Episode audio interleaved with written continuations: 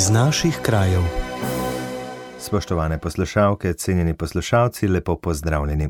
V tokratni oddaji iz naših krajev boste slišali o pripravi prostorskega načrta za Severno Primorsko, prenovi gradu v Brežicah, projektu za Dravo, trgatvi na Ljubljanskem gradu in 120-letnici čebelarskega društva Laško. Povabili pa vas bomo tudi na jutrišnji kulinarični dogodek Okusi Pivških jezer. Vabljeni k poslušanju. Radio ognišče v vašem kraju.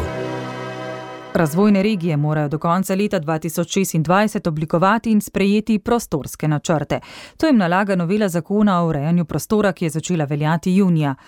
Do konca tega leta morajo izbrati pripravljalca. Za Severno Primorsko bo to Idrijsko-Cerkljanska razvojna agencija. Določili so jo na seji sveta razvojne regije, ki ga sestavljajo župani vseh 13 občin na območju. Idrijsko-Cerkljanska razvojna agencija ima s področjem prostorskega razvoja več kot 20 let izkušenj. Naša agencija je že od leta 2001 koordinator za okolje in prostor v mrežni regionalni razvojni agenciji. To pomeni, da pripravljamo dokumente oziroma sledimo temu razvoju prostora v naši regiji. Zmeraj je bila ta dilema pri pripravi regionalnih razvojnih programov, kako vse te projekte, tudi večje regijske projekte, umeščati v prostor oziroma kje so te umetve. Je pojasnila direktorica Jožica Lazar. Prepričana je, da bodo z regionalnimi prostorskimi načrti vsi dvomi razrešeni. Zapolnjena bo tudi vrzel med občinskimi in državnimi prostorskimi načrti. Občinski prostorski načrti so do meju občin. Državni prostorski načrti poključujejo samo nekatere večje, pomembnejše projekte za državo, umestnega nivoja pa ni, ampak občine se povezujejo, regije se povezujejo, zato je nujno, da se o teh regijskih projektih pripravi tudi prostorski načrt, torej da so regijski projekti tudi umeščeni v prostor. Razvoj regije mora biti sklajen z razvojem prostora, z umetvami v prostoru, kar je pa edino možno, če se pripravi regionalni prostorski načrt. Na Ministrstvu za okolje in prostor pričakujejo, da bo postopek priprave prve generacije regionalnih prostorskih razvojnih načrtov stekel v začetku novega leta. Dokumenti naj bi bili na to sprejeti, kot že rečeno, do konca leta 2026. Prispevek sem pripravila Helena Križnik. Radio ognišče v vašem kraju. V Brežicah so že pred nekaj leti opravili prenovo gradu, ki je zajela tudi restauracijo fresk na stropu Grajske viteške dvorane in lesenih stopnišč. Te dni poteka še restauracija stenskih fresk.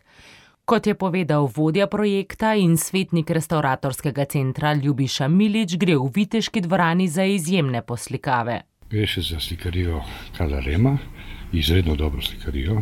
Nekje smo v biseru baroka, in nekateri imenujejo dvorano za galerijo, kar pretrdim kot slikar. Tele beremo, kako je naredil, na kakšen način, s kakšno tehnologijo. Ugotavljam, da je pred, predvsej dobra tehnologija, se pravi od apnenih nosilcev, ki so fini zgrajeni do, bi rekel, nanašanja barvne plasti. Pri prenovi fresk se bodo osredotočali predvsem na saniranje odluščenih delov sten, ki jih bodo skušali utrditi in barvno grundirati, se pravi, nekje nivelirati nivo tistih uh, odluščajočih delov in vogalno tudi preventivno lepiti, se pravi, s tistim grundom. Na to pa kasneje gremo s fiksijativi, ki penetrirajo not, tako da potegnejo tudi v omet tisto poslikavo, pardon, barno plast, barno površino.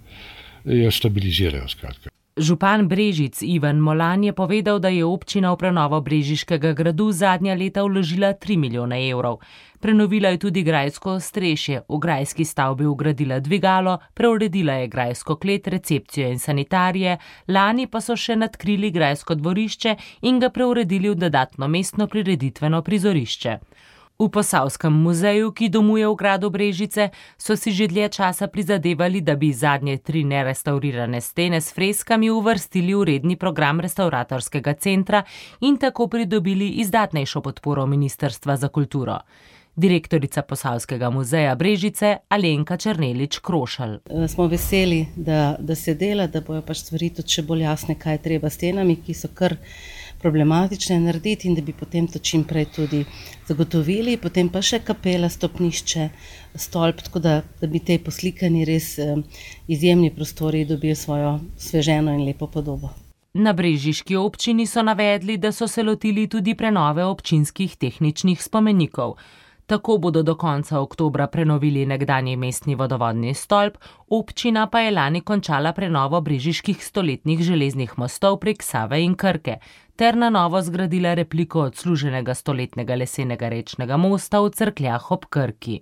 Prispevek sem pripravila Manca Hribar. Radio ognišče v vašem kraju. Projekt za Dravo je največji projekt v Sloveniji, ki naslavlja biotsko raznovrstnost iz območja Natura 2000. V sklopu njega tečejo številna dela s ciljem izboljšanja stanja rečnega in obrečnega ekosistema reke Drave. Dela izvaja Direkcija za vodo.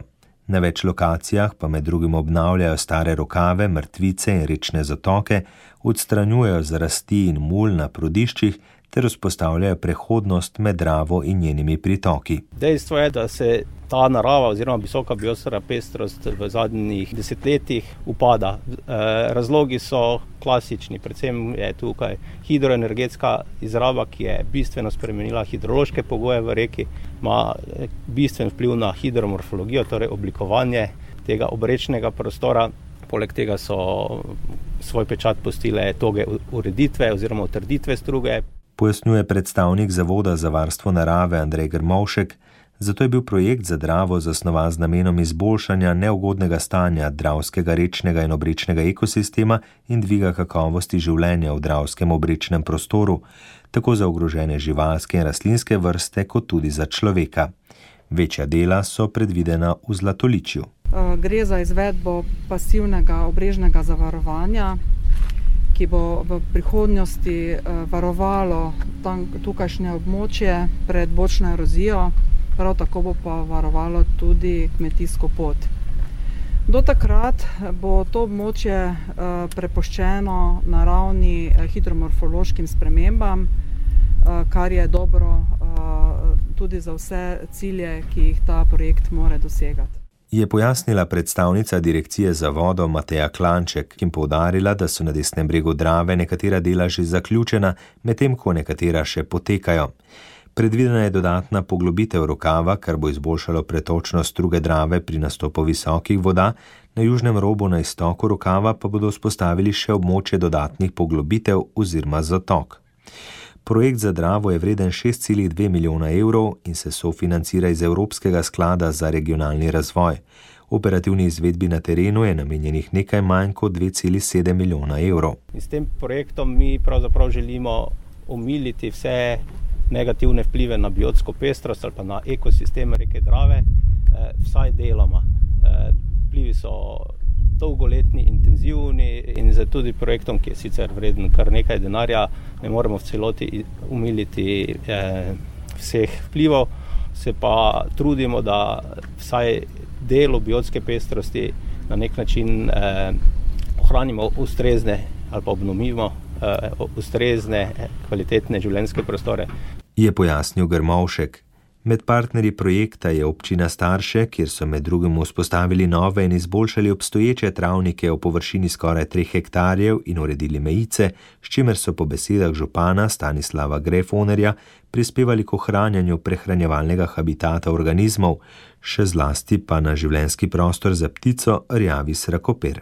Naslednje leto naj bi v sklopu interpretacije projekta izvedli še učno pot, ki bo omogočala učencem in drugim obiskovalcem celovito doživljanje različnih življenskih prostorov in živih biti drave ter njihove povezanosti s človekom. Prispevek sem pripravil Andrej Šinko. Radio ognišče v vašem kraju.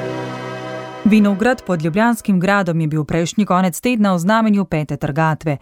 Če predtem ne bi obilno deževalo, bi lahko govorili o najboljšem letniku v njegovi življenjski dobi, je ugotavljal Franc Čuš z Kmetijskega inštituta Slovenije. Šaldone oziroma Belpin, kot ga imenujemo, je dejansko dosegal najboljšo kakovost do sedaj. Poleg zadnjih padavin so sodelavcem Kmetijskega inštituta Slovenije, ki skrbi za ljubljanski grajski vinograd, sive lase povzročale še suša, ki je postošila predtem, glivične bolezni trte in tudi spomladanska pozeba leto prej, ki je med drugim potrovala lanskemu relativno nizkemu pridelku. Letnik 21 bomo kmalo ustekleničili, torej lanski letnik, ki je bil prav tako zelo, zelo dober. Ne?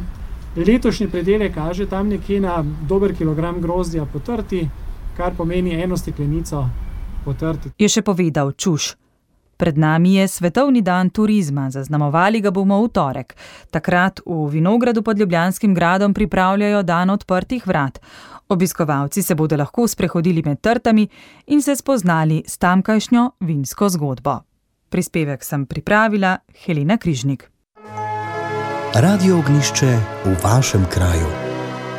Čebelarsko društvo Laško letos praznuje 120-letnico delovanja. Ob tej obletnici so izdali poseben zbornik, ki ga bo sedaj za naš radio predstavil predsednik Čebelarskega društva Laško, gospod Franc Šolar. Pozdravljeni. Lep pozdrav iz Laškega. Kaj prinaša zbornik?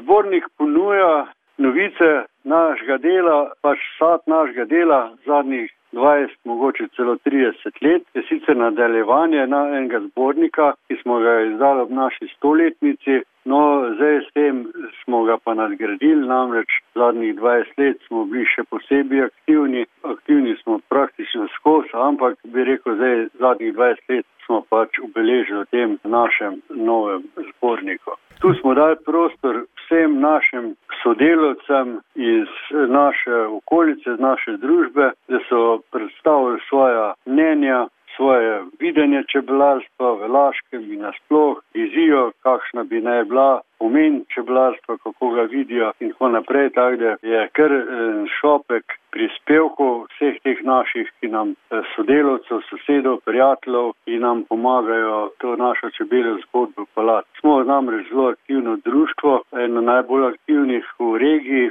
sodelujemo na vseh večjih preditvah v Laškem, ko jih ni malo in uh, imamo uh, štiri krožke v čebelarskih na osnovnih šolah. Je to, bi rekel, naš glavni del je to, da posvečamo svoje znanje, da se posvečamo svoj prosti čas največ mladim že v vrtcih in šolah, kasneje pa tudi eh, odraslim na kakšnih prireditvah. Koliko članov šteje vaše društvo in ali se odzivajo, da se vam pridružijo? Za naše društvo je trenutno okrog 90 članov, niso vsi čebelari, prav čebelarjev v našem društvu je kakšnih 65 do 70, je pa seveda imamo nekaj podpornikov, ki nas podpirajo tako in drugače, nam pomagajo na kakšnih delovnih akcijah in tako naprej. So glavni naši prijatelji in tudi plačujejo članarino, tako da jih vodimo kot naše člane. Je pa veliko tudi takšnih občin, ko pač niso se včlane še v naše društvo, jih počasi nagovarjamo in se nam tudi počasi vključujejo v naše vrste. Ob tem še pogled na letošnjo letino, kako je medilo? Poglejte, če smo lansko leto kar na široko po celi Evropi, je bil problem, da je bilo eno najslabših let, nekateri celo govorijo za zadnjih sto let, je pa letos bilo pa izredno dobro, da se malo, ker smo dobro vole, pravimo, da se nam je letos pa zboljšalo povrnilo tisto, kar je bilo v zadnjih letih zamujeno. Letošnja letina je bila, moram reči, kar v redu, smo zadovoljni, dobili smo več vrst medu, smo zadovoljni. Iskrena hvala za pogovor in iskrene čestitke ob obletnici. Hvala lepa tudi vam. S predsednikom Čebelarskega društva Laško Francem Šolarjem ob 120-letnici njihovega društva sem se pogovarjal Alen Salihovič. Radio ognišče v vašem kraju.